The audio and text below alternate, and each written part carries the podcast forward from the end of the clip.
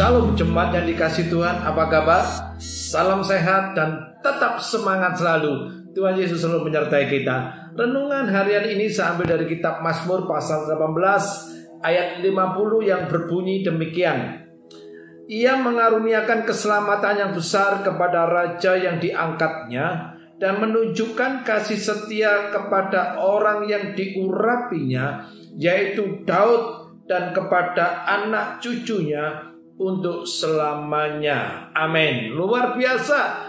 Melalui ayat ini kebenaran firman Tuhan menyatakan kasih setia Tuhan kepada setiap orang yang diurapinya.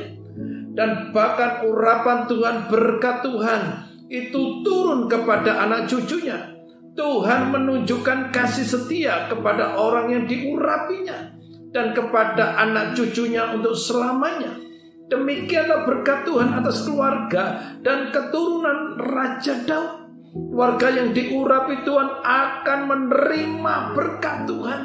Kasih setia Tuhan bagi keluarga dan keturunannya. Anak cucu orang yang diurapi Tuhan akan menerima berkat Tuhan sampai selama-lamanya.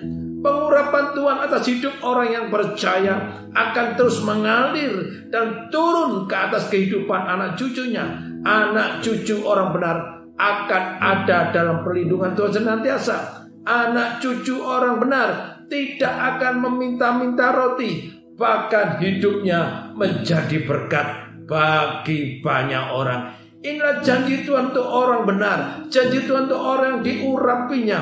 Berkat Tuhan itu sampai kepada anak cucu, satu generasi keluarga yang diberkati dan menjadi berkat bagian kita sebagai orang yang diurapi Tuhan ada terus hidup memuliakan Tuhan.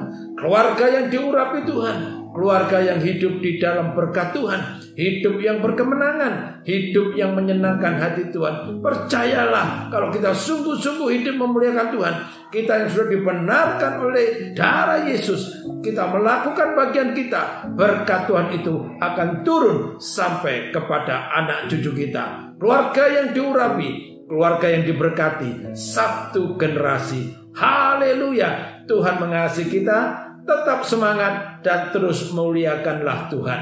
Haleluya. Amin.